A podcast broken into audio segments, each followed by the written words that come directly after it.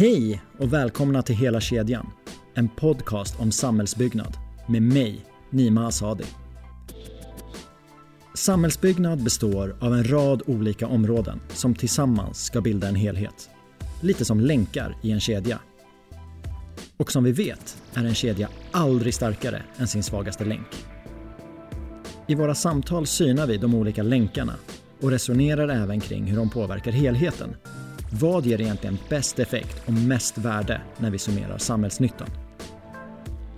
Om ni vill komma i kontakt med mig så hittar ni mina kontaktuppgifter på hela-kedjan.se. Passa på att följa oss på LinkedIn, Instagram och Facebook. Där hittar ni videomaterial, kommande gäster och kan även vara med och påverka innehållet i podden. Sök på Hela kedjan så hittar ni oss. Nu till dagens avsnitt. På Försvarsmaktens hemsida kan man läsa Försvarsmaktens yttersta uppgift är att bevara landets frihet och skydda vår rätt att själva välja hur vi ska leva. Vi hjälper även andra nationer där det finns konflikter, bland annat för att öka Sveriges egen säkerhet. Därför genomförs övningar och insatser dygnet runt, året runt. På marken, i luften, till sjöss och på nätet. Så att vi kan möta varje hot och klara varje utmaning. Så vad har då det här med byggbranschen att göra? Om vi tar arbetsmiljö så är i alla fall jag av uppfattningen att även om det finns skillnader mellan Försvarsmaktens verksamhet och låt säga ett byggföretag så finns även en hel del likheter och mycket vi kan lära. Jag har länge velat spela in ett avsnitt med Försvarsmakten för att höra mer om hur de arbetar och jag blev otroligt glad när min nästa gäst tackade ja till att vara med. Låt mig presentera Christer Tistam.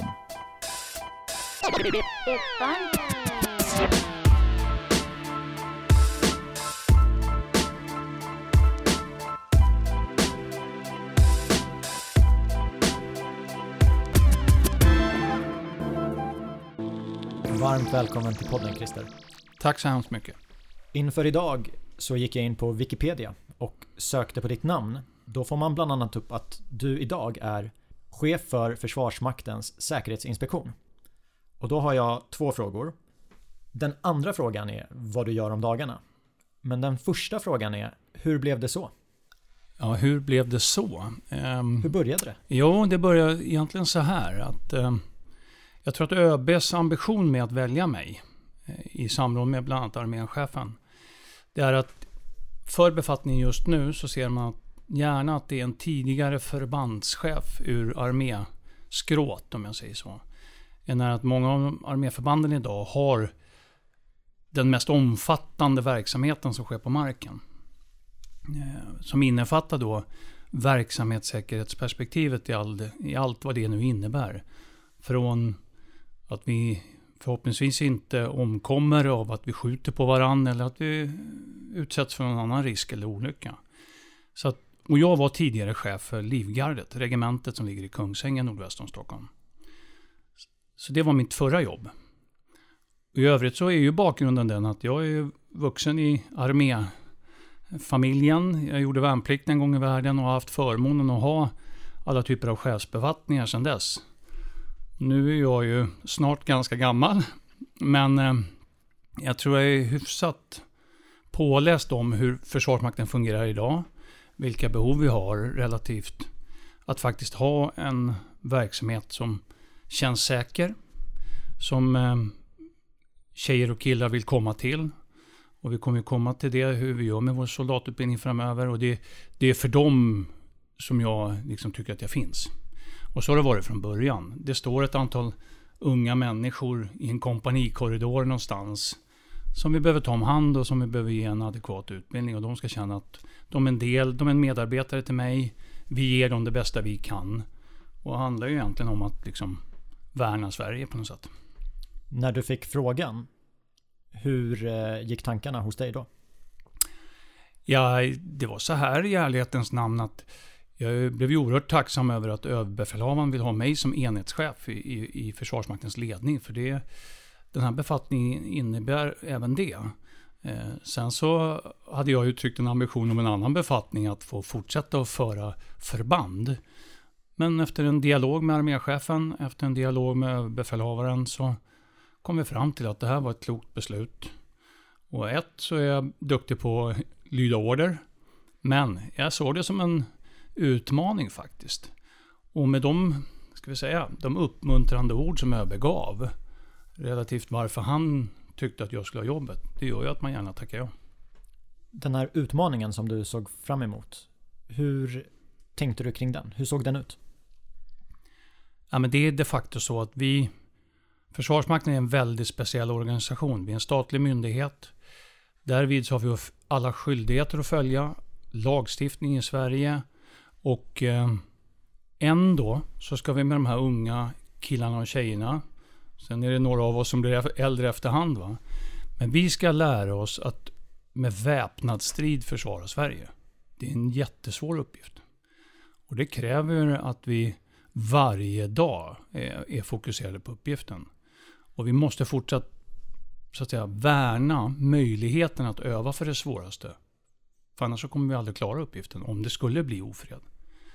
Och att göra det, det innebär att man måste hantera verksamhetssäkerhetsmässiga perspektiv med stor respekt. Till mig innan sa du att eh, vi kanske borde berätta för lyssnarna att det är skillnad på säkerhet och security. Mm. Vad menar du med det? Jo, men chef för Säkerhetsinspektionen som sagt om man översatte det till engelska så skulle det hantera begreppet safety. Eh, verksamhetssäkerhetsmässiga perspektiv som kan gå från ett att medarbetarna har en arbetsplats som är korrekt till att vi, låter otäckt, men att vi inte skjuter ihjäl varandra på skjutbanan. Och det handlar om att följa eh, lagen om brandfarliga explosiva varor. Det handlar om att följa trafiklagstiftning. Det handlar om att följa elsäkerhetslag. Det är väldigt många perspektiv i det. Men det är inte security-frågor. Security är ett annat perspektiv. Alltså vilka är hotet mot oss? Riskerar jag att någon ska skjuta på mig nu? Det är det andra som hanterar. Eh, särskilda enheter och organisationer. Primärt utgående från militär underrättelse och säkerhetstjänsten. Och idag ska vi prata safety. Idag ska vi prata safety. Min första fråga är ganska bred. Mm. Jag tänker att vi ställer den och så tar vi oss därifrån mot vart vi nu tar vägen. Jajamän. Hur arbetar ni med säkerhet inom Försvarsmakten? Ja, det är som du säger, bred fråga. Och, men om vi fokuserar på vår soldatutbildning och så börjar vi uppifrån. Då har vi centrala styrningar. Eh, som också kommer ur olika delar. Allt ifrån att vi reglerar centralt hur delar av den militära grundutbildningen ska genomföras till att vi har specifika reglementen för hur det ska genomföras och hanteras. Allt ifrån hur hanterar jag specifikt vapen? Vad finns det för risker med det och hur ska det hanteras? Eh, till att vi också lär oss att verka tillsammans. Som enskilda, som stridspar som det heter, det vill säga en eller två killar och eller tjejer va, jobbar ihop till grupper, till plutoner och de typer av strukturer som finns. Och då är det lite skillnad på armén, marinen och flygvapnet i och för sig. Ehm, så perspektivet är brett som du frågar. Det är, det är helt rätt. Men vi utgår från centrala bestämmelser, givna rutiner. Och, och, I det avseendet är alla lika. Det finns ingen skillnad. Det spelar ingen roll om du är soldat, värnpliktig soldat, om du är anställd, civil eller militär, så har du i din yrkesutövning också en skyldighet att följa våra givna bestämmelser. Ehm, och, och, Det är ju det som gör, tror jag, att vi också lyckas. Att, att all personal strävar efter att göra lika. Jag anser att det finns en en hög till mycket högt säkerhetsmedvetande i Försvarsmaktens personal oavsett kategorier. Och det är ju det som skapar liksom framgång. Den här delen som gäller alla, låt oss kalla det för säkerhetsregler. Mm. Kan du ge exempel på vad som kan stå där? Ja, men det är så enkelt som um, man ska ha, ha särskild kompetens för att köra en bil. Vi har ett civilt körkort. Men i det militära systemet ska man också ha gått en liten tilläggsutbildning hos oss för att faktiskt få framföra ett fordon. Man, det ska finnas en säkerhet att man förstår hur, hur det ska hanteras också i vår struktur så att säga. Inte bara det civila körkortet. Till detaljer kring, och, och om vi då kommer in på det som ju kan vara farligt, alltså eh, ur det perspektivet att det är vapen inblandade. finns exakt likadana bestämmelser oavsett kategori för hur man hanterar ett eldhandvapen. Även en officer, jag själv, snart 60 år gammal, om jag har ett vapen ute så skall jag, det är ett skallkrav, genomföra ett... Eller jag ska visa att jag kan hantera mitt vapen på ett korrekt sätt. Ett handhavande prov. Varje år. Annars är det bara att lämna in vapnet. Då är jag inte godkänd. Och det har vi att följa. Det spelar ingen roll. Det är ingen skillnad på soldat eller överbefälhavaren. I det avseendet behandlar vi alla lika. Och jag tror också att det är det som ger det här så att säga, är en av styrkorna. Att det förstår vår personal. Och när man också visar i en föregångspersons roll att jag kan, det jag lär ut till dig, det kan jag själv. Och jag gör dessutom likadant själv när jag hanterar den här farliga materian, eller den, det här farliga arbetsmomentet. Då säger våra soldater och vår personal att ja, men det är så vi ska göra och då följer man det. Vi ska fokusera på soldatutbildningen idag. Mm. Men bara för att ge lyssnarna en lite bredare bild av Försvarsmakten. Vilka andra typer av utbildningar finns det? Ja, massor höll jag på att säga. Och det, det är också det som är roligt att vi också nu har blivit duktigare tycker jag de sista åren. Att, att inte minst ta hand om vår civila personal. Men vi har soldatutbildning. Sen utbildar vi våra officerare med speciell i, ja, i en speciell struktur med speciell röd tråd genom hela officersutbildningen. Eh, vi har också två, vi har olika officerskategorier. Så vi har de som ska utbildas mot chefsbefattningar och blir det relativt tidigt. Och vi har en specialistofficerskår som är de som verkligen kan hantverket. Vi har reservofficerare. Det vill säga de, några som är inne och tjänstgör i kortare perioder, kanske varje år eller vartannat år. Och sen har vi ju alla våra fina civila anställda. Och de får vi inte glömma bort. Eh, och relativt dem så blir de medvetna tidigt och de accepterar ju också, det är ju en del i att, så att säga, tacka ja till det yrket, att vara en del av den militära professionen. Och i det ligger att kunna förstå vad vi faktiskt är till för. Vi är ju till för det jag nämnde tidigare. Vi ska kunna utöva väpnad strid för att försvara nationen Sverige. Alltså vi är en av två krafter i riket som ju faktiskt får utöva väpnat våld. Det kräver respekt och det kräver förståelse för min roll i den uppgiften. Vi spolar tillbaka tiden och låtsas att jag är 19 år. Jag har klarat min mönstring och nu ska jag påbörja värnplikten. Hur ser utbildningsplanen ut för mig? Hur ska jag lära mig alla säkerhetsregler och rutiner? Då är jag i nuläget inte den som är expert exakt på hur vi utbildar våra soldater. Men där, då är det så här att det finns en tydlig likhet inledningsvis. Alltså det finns ett grundläggande utbildningspaket. Beskriver det som det. Är den för alla då? Ja, det är i grunden så att alla soldater ska nå en viss grund. Sen får den, så att säga, man får anpassa tempot till det något. Man får anpassa innehållet till det något. Utgående från våra bestämmelser. Beroende på vilka specifika behov man har. Och de kan vara olika. Till exempel då som jag nämnde i armén, marinen och flygvapnet så är det särskilt så. Men det kan också vara interna delar i armén. En stridsvagnssoldat kan ha specifika behov jämfört med en soldat som ska bli lastbilschaufför någonstans. Så det kan skilja. Så alla kanske inte står på skjutbanan exakt samma dag. Det skulle vi heller inte få plats med. Och det, du förstår vad jag menar med det. Ja. Så det är klart att vi kan anpassa innehållet till del. Sen är det helt och fullt inriktat mot vilket typ av förband ska de här killarna och tjejerna sedermera placeras i krigsplaceras i. Och alla, alla våra krigsförband har ju specifika kompetenser. Så det innehållet kommer ju variera. Men likheten i att alla hanterar någon form av eldhandvapen. Alla har att följa vissa grundläggande delar i allt ifrån exercisförhållanden till eh, fysisk förmåga. Att kunna bo ute och vara i tält. Eh, överleva till del i naturen. Där finns det stora likheter för alla oavsett var man rycker in. Det finns ju olika sätt att lära sig saker på. Jag tänker att en del är ju att läsa till sig det. Och, och så kan man ha teorigenomgångar. Men det kan ju också vara övning. Ska jag använda en viss eh, produkt, ett skjutvapen, så kanske det finns en instruktion Ja. för det. Mm. Vilka metoder arbetar ni med? Och det är ju en bra fråga. En, en äldre officer, typ jag då. Men det som är roligt med det här, det är att jag vet ju själv att vi, har, vi blir efterhand också mycket modernare. Vi har ju en yngre officerskår som ju själva är utbildade och uppfostrade med en ny utbildningsteknik. Men i grunden så finns det inom ramen för när vi ska lära ut till exempel de grundläggande delarna i vapenhantering.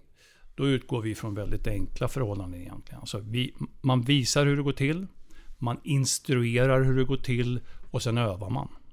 Visa, instruera, öva.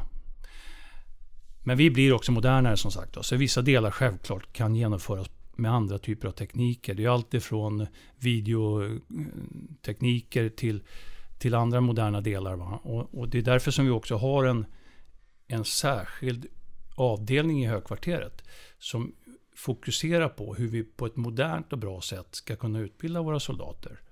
Eh, och, och de har det ansvaret för att stödja mot då skolorna i att få en bra röd tråd, få en fungerande metodik och en pedagogik som, som ju våra, ja, de som är ungdomar idag kan ta emot helt enkelt.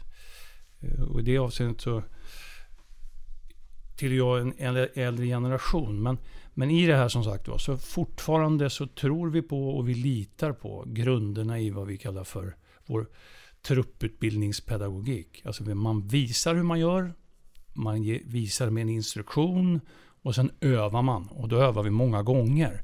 Och det är väl där som vi är kända för kanske. Och måhända tycker den yngre generationen att Åh, nu ska de öva det här igen. Men vi tror ju på övninginlärningens liksom, funktion. Och drill har betydelse även 2019. Även 2025. Nu har vi pratat skjutvapen och då Mm. tror jag att de flesta lyssnare tänker Ja men det är väl klart, det är ett skjutvapen. Mm. Jag har aldrig gjort lumpen men inför det här samtalet har jag kollat lite med vänner som har gjort lumpen. Mm. Och en av dem sa att i två veckor övade vi på att gå. Mm. Stämmer det? Och varför då? Ja, på vissa enheter så, så gör man så. Det handlar också om rutin. Och att vi har en likadan metod. Och faktiskt är det så här att vid vissa regementen så övar man på det väldigt mycket. Inte minst inledningsvis. För när man sen kommer till ett annat skede. Då man kanske till exempel ska vara en bidragande del i högvakten uppe vid Stockholms slott. Då har du grundexercisen redan given. Det vill säga, då behöver du bara göra en tilläggsdel för att också svara mot de specifika krav som finns inom garnisonstjänst som det heter när man, är, när man genomför högvakten. Så att mycket exercis i början lägger en grund till att vi också kan till exempel göra andra delar senare. Sen är det ju ett epitet i det militära. Alltså att göra det i en samlad trupp. Det är ju en del av uniformiteten. Det gör också att när jag går där bredvid min nya kamrat Lisa eller Leif som jag träffade för fem dagar sedan när vi ryckte in. Men jag känner trygghet här. Så det, i det finns också ett till och med beteendevetenskapligt fenomen som inte ska underskattas. Ja, det är kul att du nämner det. För att jag frågade min vän, lärde du dig att gå? Då sa han, ja det- gjorde jag. Och herrejösses vad sammansvetsade vi blev. Ja, Det var ja, hans svar. Han var roligt att höra. Med ett leende på läpparna. Ja, vad roligt. Ja, vad skoj. För det, säga vad man vill, men det är så. Beteendevetenskapligt så är vi är alla bara människor. Och vi har våra behov. Och människan är ju i grunden ett flockdjur. Sen har vi alla lite olika sammansättningar och vi har alla olika behov. En del ska vara framåt va? och gå först och en del går kanske något längre tillbaks men har en annan jä- jätteviktig uppgift. Men att göra de här momenten tillsammans. Uniformitet, rutin och jag tror också att det skapar en del av laget faktiskt. Vi har haft uppe väpnad strid. Mm. Och vissa delar av Försvarsmakten är ju i väpnad strid i utlandet. Ja. Men här hemma är det ju mest övning. Ja. Så jag känner att det är ändå en, en skillnad mellan övning och skarpt läge. ja. Men om vi beskriver processen för de här två. Är den samma? I grunden är den helt samma. Jag har själv varit utomlands i tre olika omgångar.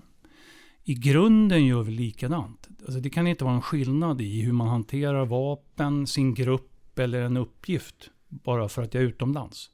Men självklart är det så att när man är utomlands, till exempel i Afghanistan eller i Mali, så har du att hantera en specifik hotbild som du inte ser hemma i ditt övningsförfarande. Eh, självklart är det så.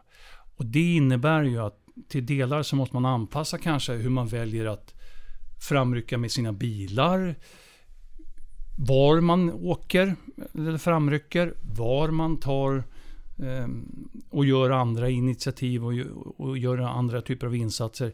Det måste ju väljas utgående också från hur man bedömer en specifik motståndare. Och här är det ju då det är där vi har utmaningen att hemma i fred kunna öva mot så realistiska förhållanden som möjligt. Det är det vi menar med när vi säger att vi har ett stort behov av att få öva för det svåraste. Men det är klart att du aldrig kan riktigt få den känslan i alla avseenden hemma vid som du kan få när du känner att du är ute på en skarp uppgift i Mali. Men i grunden gör vi likadant. Säkerhetsbestämmelserna är likadana. Det vi lär ut hemma fungerar borta.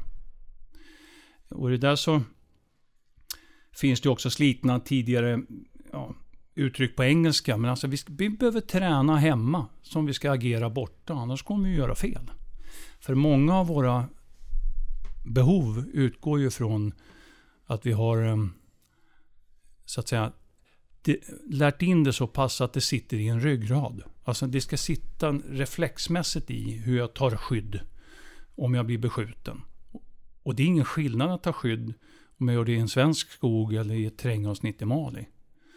Utan det utgår ju från vad är det för hot jag möter och hur behöver jag ta det skyddet. Likadant. Och samma sak att förbereda sig. Självklart är det då så, och det vet jag av erfarenhet, att när vi då har varit på patruller eller genomfört andra verksamheter utomlands så kommer man tillbaks. Då har man ett specifikt behov av att efteråt, och då använder vi, och vi har ju använt lite slarvigt nästan till delar, höll på sig, begreppet debriefing. Men det vill säga grupperna, plutonerna och enheterna och också soldaterna internt och själva. Efteråt behöver man ju få utvärdera sig själv. Ja, vi gick nu ut för att lösa den här uppgiften vid den bron eller i den byn. Hur gjorde vi? Vad tyckte vi fungerade bra? Vad tyckte vi fungerade mindre bra? Men samma sak där. Egentligen utvärderar vi ju, eller egentligen, vi utvärderar ju våra moment även hemma när vi övar. Men skarpt är det ju ett annat förhållande. För då har man kanske, i värsta fall då, mött en fiende, en motståndare. Varit tvungen att kanske öppna eld och fundera kring vad det fick för eventuell verkan. Så att där, det ger ju skillnader hemma borta. Att det de facto finns en skarp motståndare som måste tas hänsyn till både före och efter. Men i grunden så är vår ambition att göra lika. Så om du och jag står inför en övning eller ett skarpt läge. Mm. om jag har förstått dig rätt då så börjar vi med en riskidentifiering. Mm. Vi gör en, jag kallar det för arbetsberedning, men en beredning ja, ja. över vad vi, ett, vad vi ska ja. utföra. Mm. Inom bygg säger man arbetsberedning. Ja, jag förstår. Sen så utför vi uppdraget eller mm. övningen och, och har en utvärdering. Mm. Är det det vi gör? Ja, det lät som en ganska bra sammanfattning måste jag säga. Pre precis så är det. Och inför alla övningar även hemma så genomförs en särskild riskanalys och den är reglerad också hur vi bör genomföra den. Och där så gäller det ju att göra det och försöka se alla möjliga händelseutvecklingar. Och där är det ju så att vi är bara människor. Ibland kanske det tyvärr inträffar en olycka i alla fall. För allting har vi inte lyckats förutse. Och det är där vi behöver ibland förbättra oss, att se det oväntade. Eh, och det är, det är ju en utvecklingsprocess som pågår. Och jag tycker ändå att vi blir bättre i det eh, jag säga, varje dag.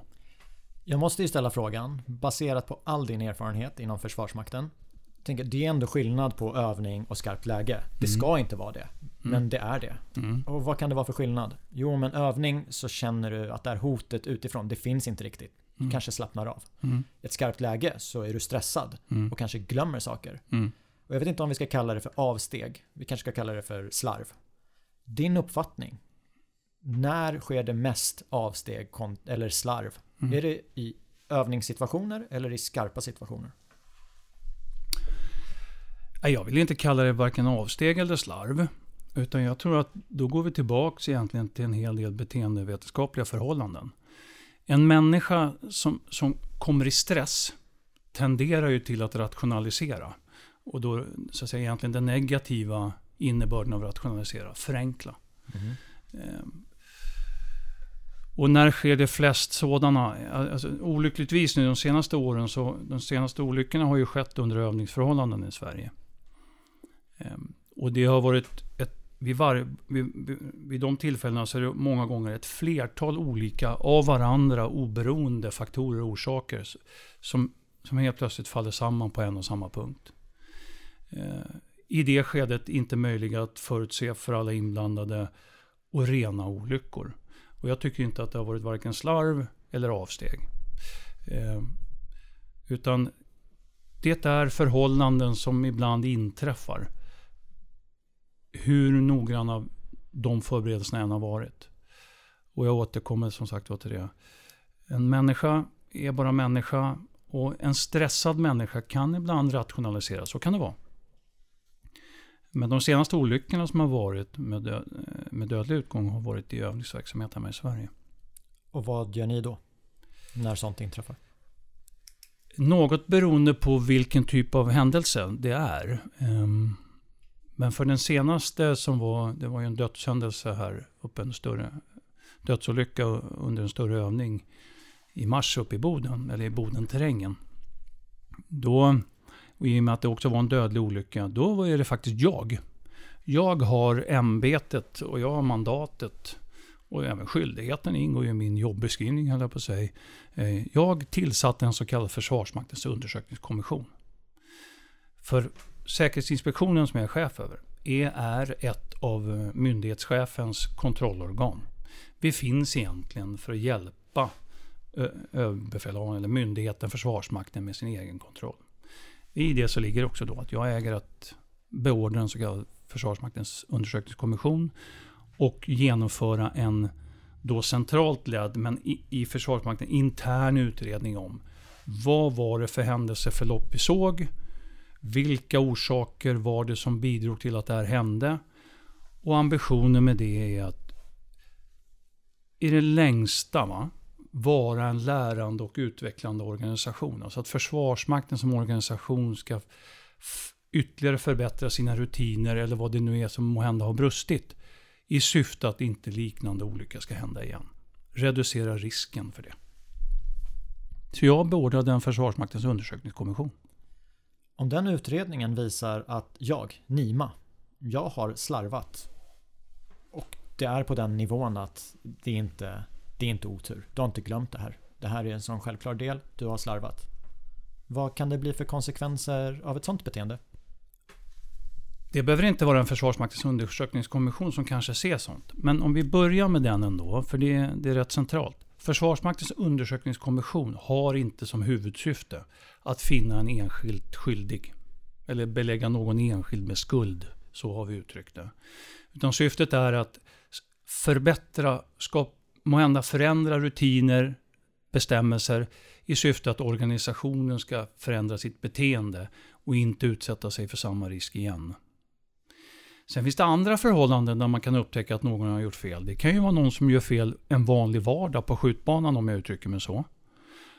Och, och är det på det sättet att man kan leda, på något sätt leda, kalla det för i bevis då, att den enskilde har medvetet brutit mot något förhållande.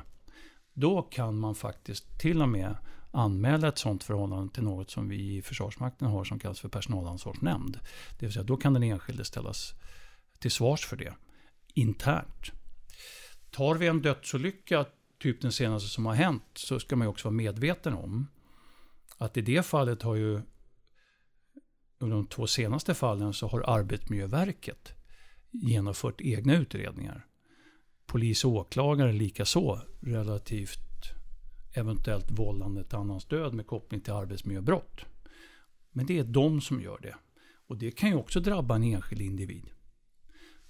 Eh, och därvid kan enskilda individer beläggas med skuld. Men det är inte Försvarsmaktens inriktning med våra undersökningskommissioner. Vår ambition är att göra oss bättre. Vi kommer komma in på det senare i samtalet, varför jag tog upp det exemplet. För det finns en koppling till byggbranschen och den frågan. Ja, jag förstår. Men nu tycker jag att vi går tillbaka till att jag gör lumpen. Ja, För då är jag 19 år ja, och jag får ett skjutvapen i mina händer. ja. Det tycker jag är jättehäftigt att hos Försvarsmakten får man ett skjutvapen i händerna som 19-åring. Mm. Och ändå händer det så pass lite, nästan ingenting i olycksväg. Så det är, det är jag väldigt imponerad av. Men jag tänker när jag var 19 år så hade jag varit ja, ganska så nervös. Det är steget in i Mm. vuxenvärlden. Och hade du sagt gör så här, då, då hade jag gjort det. Mm. Inga följdfrågor på det. Tio år senare så blir jag inkallad till repetitionsövning, kallas det så? Ja. Krigsförbandsövning eller repetitionsutbildning. Ja. Då är jag 10 år äldre, 50% i livslängd, Mm. kanske något kaxigare. Kan ni se sådana skillnader mellan när man gör lumpen och är 19 kontra när man blir inkallad för repetitionsövningen? Är det andra aspekter som blir viktiga? Eh, Bemöter ni eh, Mm. soldaterna på ett annat sätt? Ja, Jag förstår. Eh, Ja, vi kan både se och, och vi är nog förberedda på. Eh, så är det. Och, och det krävs särskild erfarenhet från också oss utbildare, alltså yrkesofficerare och de civila som är medverkande. Men alla vi som ska ta emot ett krigsförbands, eller ett förband som gör krigsförbandsövning, en repetitionsutbildning, de måste tas om hand också, givetvis på ett särskilt sätt. Dock, grunderna för hur man hanterar ett eldanvapen är ingen skillnad. Grunderna för hur man uniformerar sig ingen skillnad. Grunderna för hur vi i grunden tilltalar varandra ingen skillnad relativt det specifika tjänsteutövningen som ska göras. Sen är det klart så här att om Christer möter dig tio år senare så förmodligen så omedvetet kommer jag ha ett annat tilltal till dig kanske än vad jag har när du, hade, när du var värnpliktig. Av respekt för dig som människa och individ. Och det betyder inte att vi inte har respekt för våra värnpliktiga. För tro mig, det är ändå de viktigaste vi har. För våra soldater gör ju att vi kan bli fler. Och vi ska bli fler. Vi är ju i en tillväxtfas och vi vill ju värna alla soldater och all vår personal efter bästa förmåga. Men det, det, det blir nog till del omedvetet så, ja, att man må hända bemöter med ett annat tilltal. Men det utgår ju också från att vi har förtroende för individen. Och om du har genomfört en grundutbildning, en värnplikt, blivit krigsplacerad vid det här förbandet som nu kommer in tio år senare. Bara med det har du, Niman, va, kvitterat att du är en skicklig medarbetare i Försvarsmakten. Vi tror ju på dig. Och vi vill ge individer ansvar. Och jag, vi har ju lärt oss att våra soldater, vår personal kan bära ansvar. De kan ta emot ansvar och de kan bära ansvar som är långt större än man egentligen tror. Alltså vi... Jag själv var i Afghanistan då vi fick eh, två kamrater ihjälskjutna och en afghansk tolk. Och bara hur våra soldater hanterade den situationen. Nu var inte det värnpliktiga, men det var unga tjejer och killar som var med oss i Afghanistan. Bara hur de hanterar en sån situation visar ju att ger man förtroende så är våra medarbetare beredda att ta det för, och bära det förtroendet. Och Men- visa att jag kan. Hur menar du då? Hur de hanterade den situationen? Vad Jo, men alltså att, att, att möta situationen att jag har fått två officerare ihjälskjutna i Afghanistan och hur ska jag göra och vad, vad kan jag göra? Men med all den hantering som var runt omkring det där, det gjordes ju av de här unga människorna. Ja, det är klart att det fanns en ledning, en ledningsstruktur som gav order för, men de här unga människorna gjorde det. De tog hand om sina två arbetskamrater och såg till att de liksom omhändertogs då efter bästa förmåga relativt den alldeles förskräckliga händelsen som hade varit. Våra unga soldater är så fantastiska Niman, så man blir, ja, man blir varm, varm varje dag när man tänker på dem. Vi, vi började ju, vi kom ju hit genom att jag frågade om skillnad mellan när man gör lumpen Ja. och eh, repetitions, Utbildning. Mm. repetitionsutbildningen. Ja, precis. Året efter att jag mönstrade Ja. så trädde en annan eh, ändring i, i kraft och det var ju att den allmänna värnplikten försvann. Mm. När jag mönstrade var det, blir du utvald då ska du göra lumpen. Mm. Det försvann året efter och det vart mer frivilligt och man blev anställd. Mm. Hur påverkade det ledarskapet hos er? De, de andra ville Jajamän. ju vara där. Jajamän, och, och Vi har kallat den kategorin för eh, kontinuerligt anställda soldater, gruppchefer, soldater och sjömän. Eh, och, helt klart är det så. Det är en fant oerhört skickliga människor. Eh, och de har ju kunnat nyttjas för särskilda uppgifter, är klart. De har ju kunnat ge, ges andra typer av ansvar än vad vi gör med värnpliktiga som är inne i kanske upp till 12 eller ja, med säg cirka 12 månader då för att göra ett genomsnitt. Så gruppchefer och soldater som är kontinuerligt anställda, och det har vi än idag. Det är en stor kategori. De är oerhört centrala för oss. De behöver vi. Och de är ju ett stöd i alla våra förband. Ehm, de kan vara föregångspersoner. De är med och utbildar. Vi kan ge dem specifika ansvar relativt vissa specifika bestämmelser vi har. Och då går vi nästan in lite på security-frågor. Alltså, men de kan hjälpa officerarna att ta ut, låsa in och ta ut vapen om jag säger så. Eh, vilket vi inte kan ge eh, delegera som ansvar till en värnpliktig soldat som mm. exempel. Så grupp, de anställda soldaterna är en mycket viktig kärna. Och de har vi fortsatt kvar. Nu utvecklar vi att också öka antalet värnpliktiga. Så ja, det har varit skillnad, absolut. Men den grundläggande utbildningen, och återigen, att visa att jag har förmåga att hantera min, mitt personliga eldanvapen. Det är exakt lika för dem som för en värnpliktig som för mig. Kompetensprov kallar vi det. Jag nämnde det tidigare här. Ingen skillnad. Men sen har vi kunnat ge dem andra typer av ansvar. Och det är klart att de också blir individuellt skickliga de här tjejerna och killarna. Flera av dem har ju flera insatser också internationellt och har en bred bas att stå på. Den behöver vi. Den behöver vi verkligen värna och eh, se till så vi får ut största möjliga effekt av dem nu också inom ramen för att eh, öva våra nya värnpliktiga. Det här är ju en podd om samhällsbyggnad. Ja. Och två skillnader som man kanske tänker på som lyssnare. Då är ju det ena att när man gör lumpen, du har inget val. Du, du måste göra den om, om du blir utvald. Kontra en arbetsplats där du faktiskt kan byta arbetsgivare. En annan skillnad, och det här baserar jag på de filmer jag har sett. Det är ju att man kanske tillämpar lite andra metoder. I vårt förmöte så sa jag kollektiv bestraffning. Mm. Och då var ju du noga med att nej, vi följer ju faktiskt samma lagar och arbetsmiljöregler som alla andra företag. Absolut. Så filmerna är inte sanna, eller? Har jag missförstått allting? Vet inte jag vilka filmer du har tittat på Nima, men eh, grå bestraffning och det pratades det ju om tidigare i värnpliktsrörelser och annat också. Att man tyckte att det fanns, och det ska vi inte blunda för, att det har ju säkert förekommit. Men grå bestraffning och kollektiv bestraffning, det ska inte förekomma. Det är väldigt enkelt. I det avseendet har du eh, överbefälhavaren, han är myndighetschef. Han är mycket tydlig. Inom ramen för hur, hur överbefälhavaren resonerar kring ett begrepp han har satt som kallas för ansvarskultur. Så har vi att göra och vi ska följa arbetsmiljölagar och allt det du själv var till del inne och nämnde. Men vi har också e-, ett antal olika egna reglementer och bestämmelser att följa. Dessutom så har vi en uppförandekod och vi har en värdegrund i Försvarsmakten som gör att det där är, det är oacceptabelt. Måhända kan någon ibland uttrycka sig som att det är det man ser när man ser hur vi vill öva och, och få beskriva och visa betydelsen av till exempel drill. Ja, vi övar att ladda och patron ur, ut, att göra ladda och patron på ett vapen utan ammunition, säkert hundra gånger. Det är ju för att vi behöver öva in ett beteende som sätter sig muskulärt, i det muskulära hjärnminnet höll jag på att säga. Också, förutom i rent kunskap om hur man gör, så ska det också vara en förmåga kopplad till det där som, som, som blir så att säga motor, motorisk. Då gör vi många gånger samma moment flera gånger och repetitivt.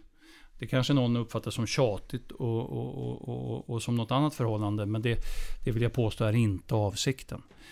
Sen är Försvarsmakten lik byggbranschen, det är en stor organisation. Vi är många medarbetare.